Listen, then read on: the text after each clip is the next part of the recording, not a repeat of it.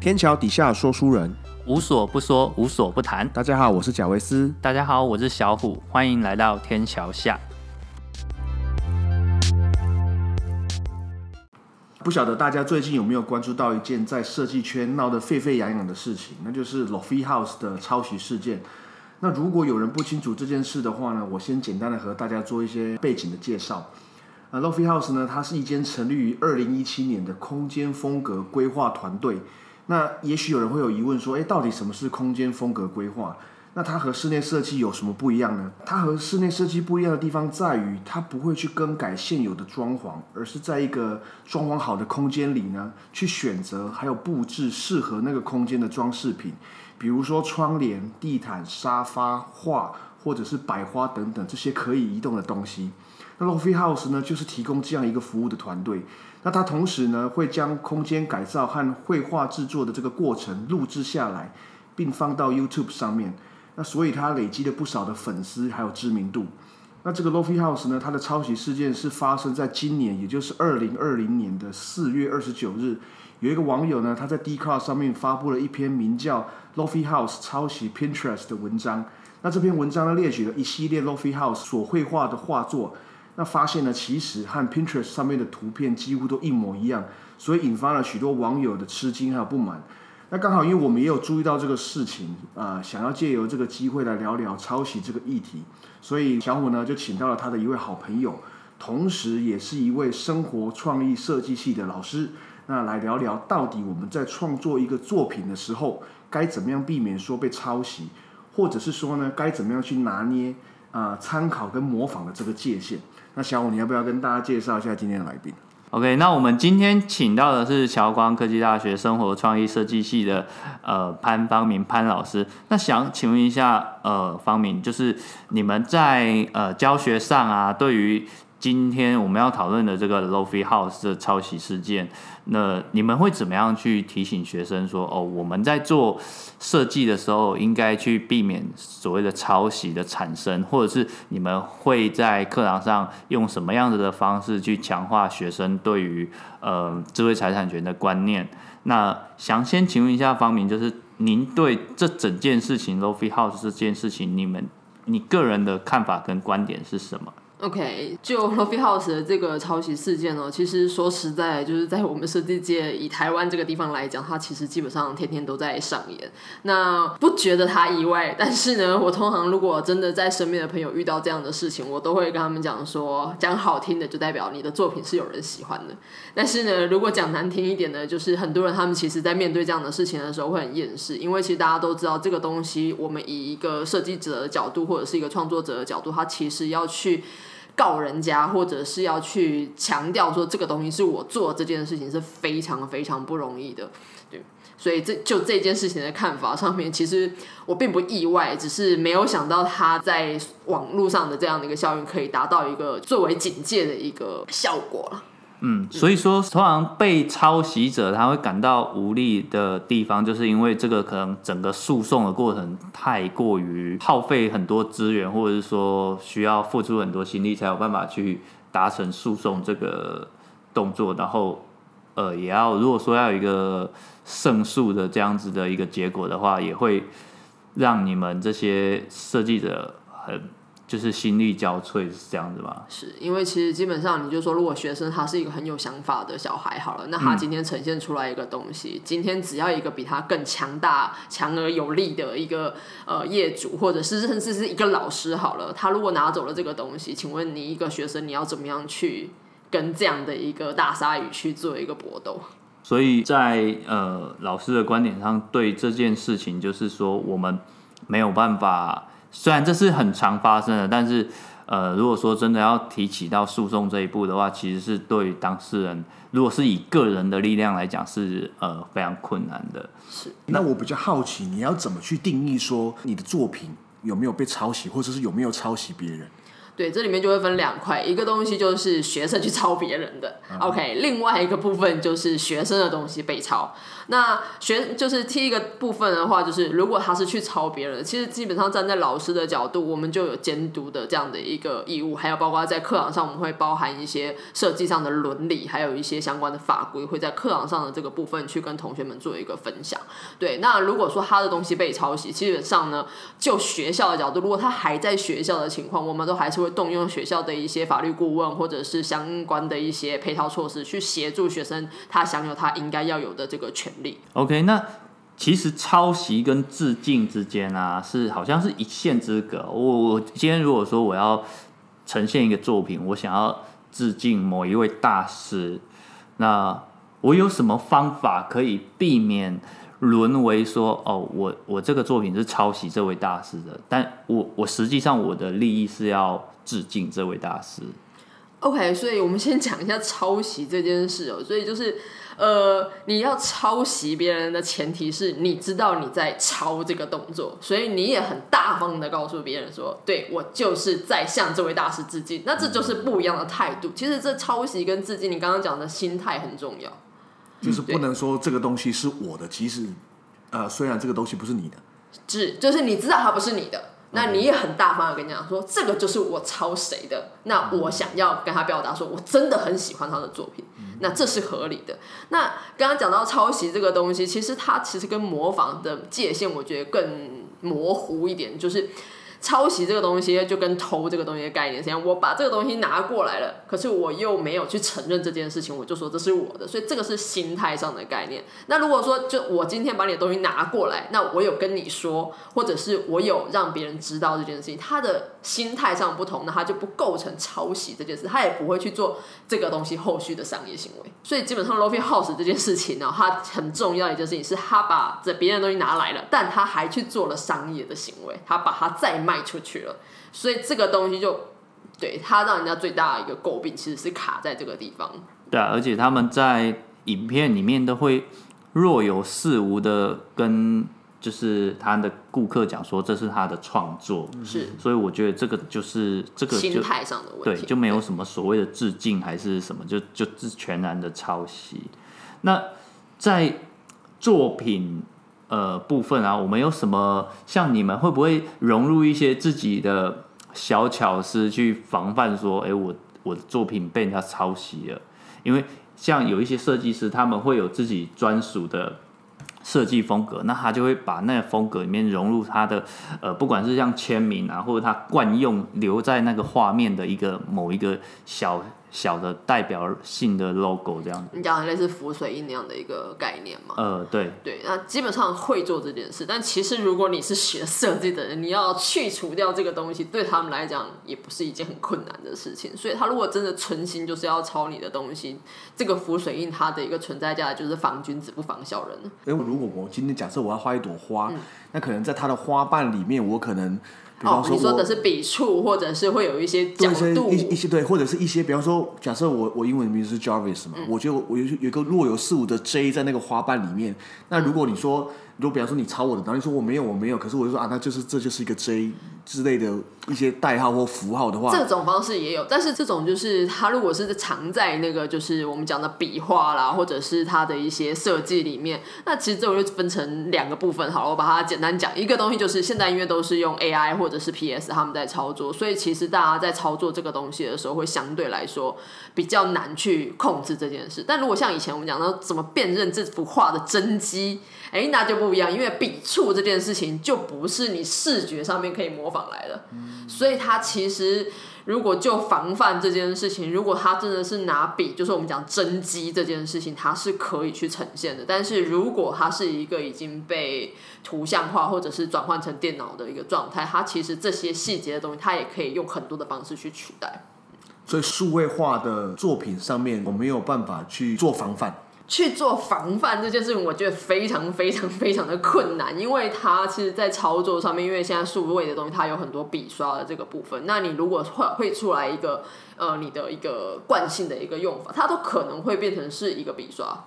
哦，对，所以它其实，在操作这件事情上面难度相对，而且你其实藏在里面之后会很尴尬的一件事情。如果他根本没有发现你藏，那他可能就做了这件事情，那你就更难说他是抄袭了。那我们都知道说，在一个呃设计师养成的过程当中，是一件非常漫长，而且也要经历过非常多阶段，才有办法养成一位设计师嘛。那在学校的学习过程当中啊，我们要怎么去引导学生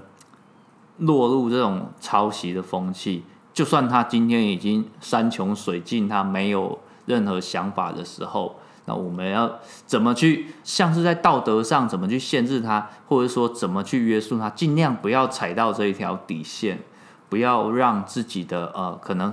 一时一时的失足，结果落入一个呃可能同学啊都会把它贴上标签，他就是抄袭的这种情况下。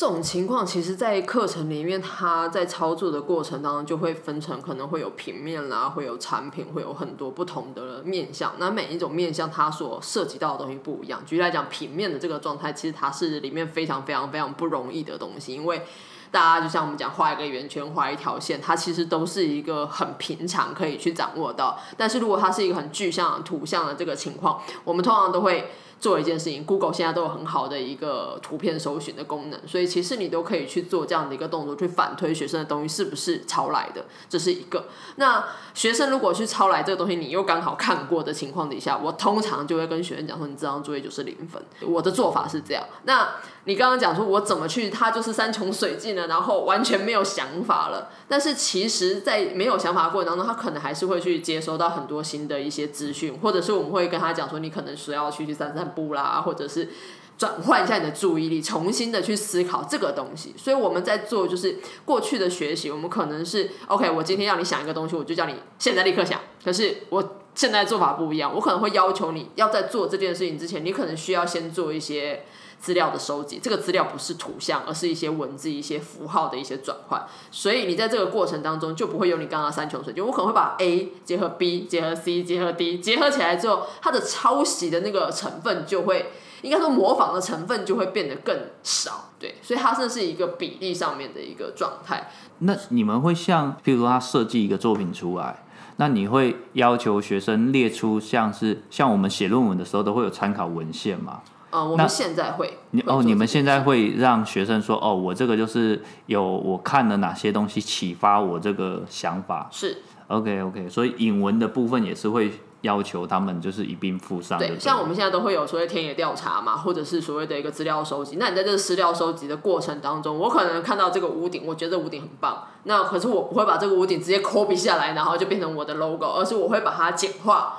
可能会用线稿的方式，可能会用色块的方式，可能会用几何图形的方式去转换这件事情。OK，哎，那另外啊，我知道说，呃，学校部分都会保护学生嘛，然后也会呃告诉学生说，在跟别人合作的时候，应该要注意哪些细节。那有一个很很很有名的案例，就是之前那个蒋友博他的成果设计公司嘛，那他们的。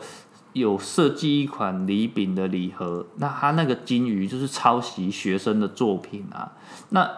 关于这样子做，呃，他他这样子去抄袭别人，然后把他说那是他们成果自己的设计，那遇到这种状况的话，你们怎么样去保护学生或替学生争取他的权益？好，应该这边分两件事，一个东西是学生他要怎么保护他自己，学生他保护他自己的方式就有几种，就是其实我们在讲说，就是设计这个东西，它其实不会是只有你想到我都想不到，所以他在这个时间差里面，谁先把这个东西公诸于世。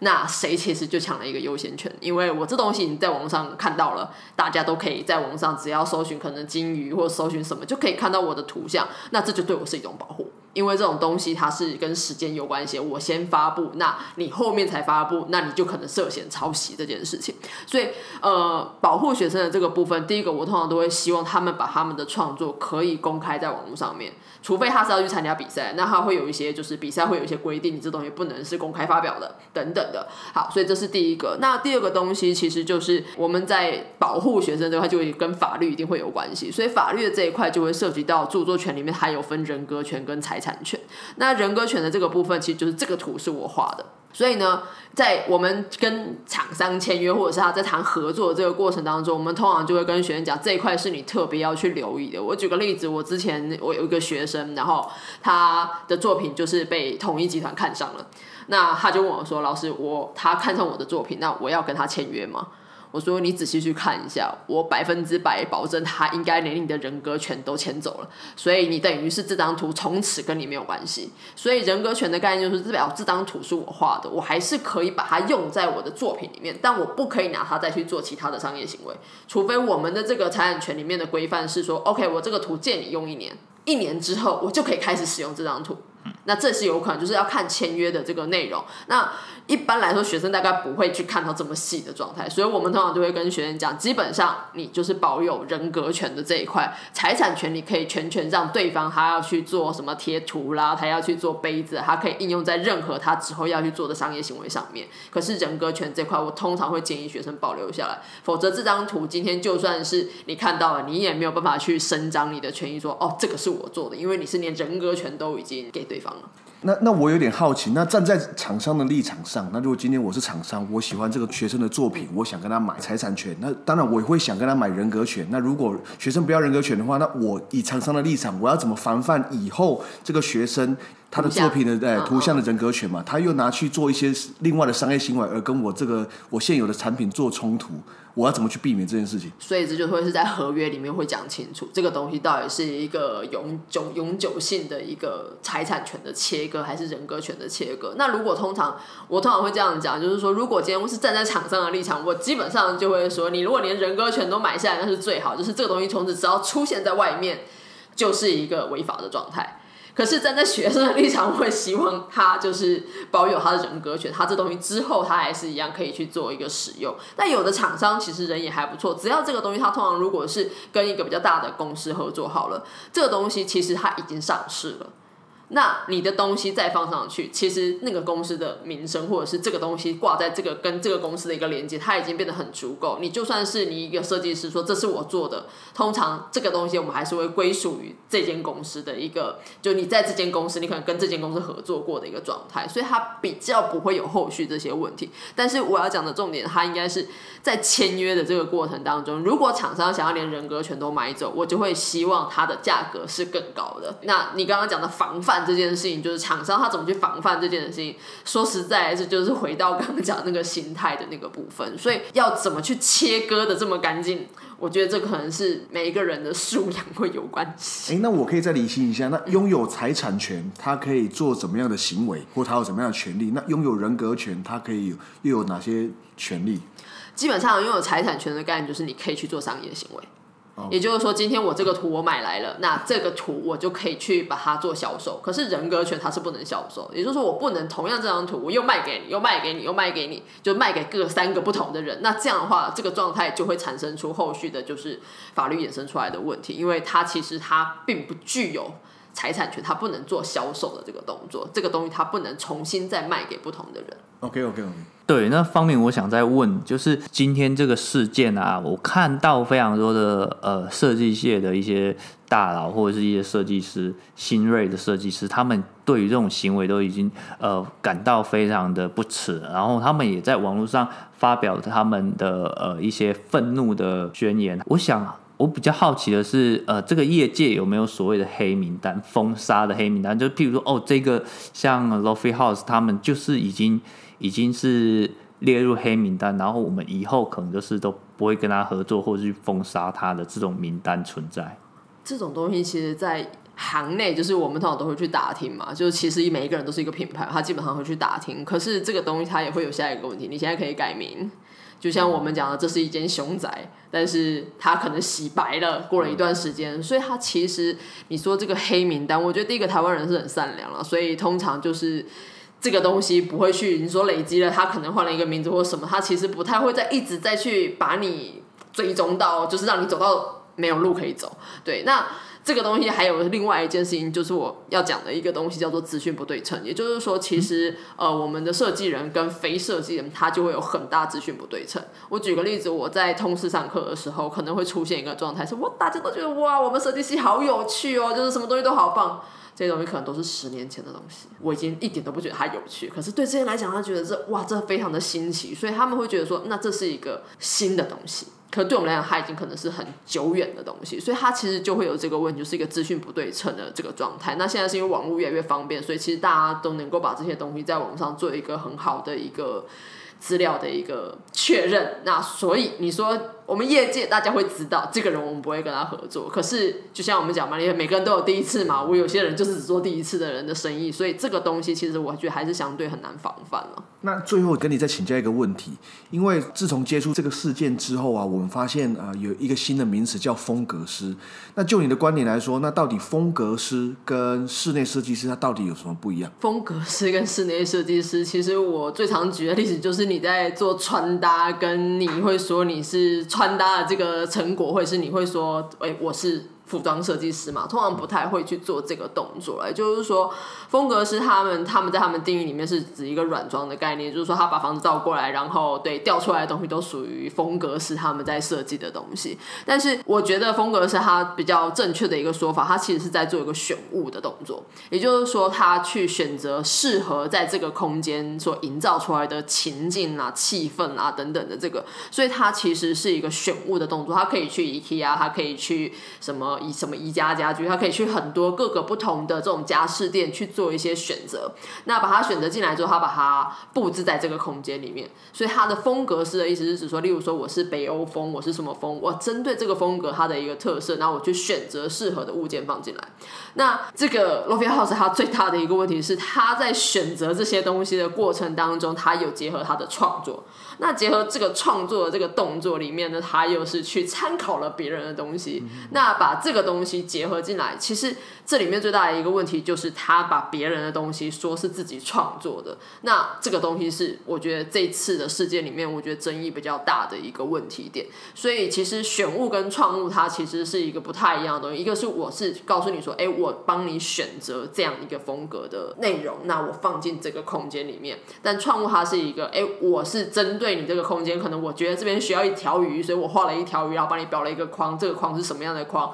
那放在这个空间，它其实是一个不太一样的等级。所以刚刚主持人在讲的那个什么，如果学生他可能不适合就是做设计的情况底下，其实说实在，风格是每一个人都可以做啊。你喜欢哪一个风格？那你可以针对这个风格，它里面所需要具备的一些条件，例如说，可能你喜欢乡村风，它可能需要很多花草。那你可能喜欢的是北欧风，它可能走的都是比较简洁。你喜欢古典风，那它可能需要的那种装饰性会变得比较强。所以呢，你都可以自己去选择，只要你知道这个风格它有什么样的特色。所以其实每一个人说实在的，你的家都会有自己不一样的一个味道，或者是不一样的氛围，那就是一个风格的概念。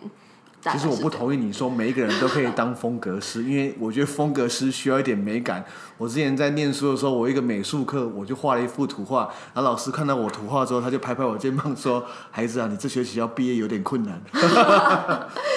但美感这个东西，我觉得它是从小养成的。其实我觉得台湾是真的比较可惜的一个地方，是台湾的教育就是过去比较填鸭式嘛，它其实并没有这么 open mind 的一个一个一个心态的那个接受度。所以，呃，你们看到像国外为什么他可以对就是每一个人创作他非常非常尊重，是因为他尊重每一个人的个体的这个概念。可是，在台湾这个地方，他可能相对比较封闭，所以他们其实很怕被别人放大检视，或者是很怕自己不足，所以他可能会去参考别人的东西，觉得哎，这个人好。好像比较厉害，我用他的东西，我好像就会比较不会被骂的那种、那种、那种心态。所以其实我觉得这是环境上面所造成的。那刚刚讲美感这件事情，说实在，当你看多了，然后接触多了之后，其实那个美感就会慢慢、慢慢的提升。它不见得是你画出来的，而是你选择的衣服。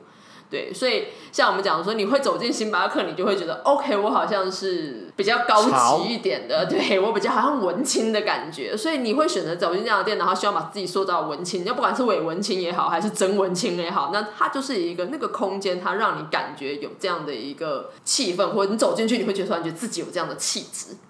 对那个东西，它其实就慢慢的演变成一种风格，所以别人看到你，他就会给你一个定义，那个定义就变成是你的一种风格的概念。所以你说美跟丑吗？我觉得它某种程度也是一线之隔，可能很干净，它就是人家会定义它是比较美的感觉。那你刚刚讲的那个案例是你画出来的，画这件事情就真的需要天分，可是你可以选择。对适合你的作品或者适合你的。东西那穿在你身上，所以你会知道说，OK，我的缺陷可能屁股很大，所以呢，我会在穿着上面，我会特别穿比较大的裙子，让你看不出来我的对缺陷在哪里，这就是一个选择嘛。所以让我的风格就感觉好像很浪漫，可其实不是，我是为了要遮住我的某一些对不较不适合的。OK，谢谢老师的的安慰，我突然觉得我也可以成为风格师。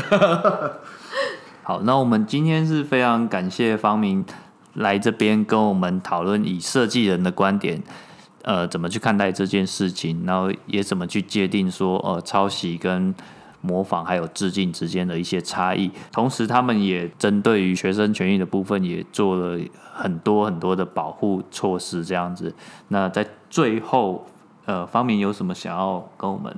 补充的，或者说你还有什么刚刚讲的不够清楚的地方吗？应该说不够清楚部分我不确定，但是我觉得其实，在学习的过程当中，模仿是一个必经的一个过程啊。我想这是在不管我们从小朋友，然后慢慢长大的过程当中，其实我们都是看着可能爸爸的背影或者是妈妈的背影去长大的。可是在这里面有一个很重要的一件事情是尊重。对我们必须要尊重，就是原创的这个动作，它其实是在我们学习的过程当中很重要的一件事情。因为每一个创作，它可能都是呕心沥血，可能都是经过一个很长时间的一个累积，那甚至是他的经验，或者是他的一个技法的一个演练等等的。所以，其实这个尊重的这件事情，我想是在这个世界里面非常非常需要大家去关注的一个核心哦。那不管你说你是模仿啊，或者抄袭这件事情，其实。我相信抄的人应该心里面也是很改流，就是不是很舒服。可是他可能为了某一些面子啦，或者为了钱啦，或者是为了什么东西，他选择就是让自己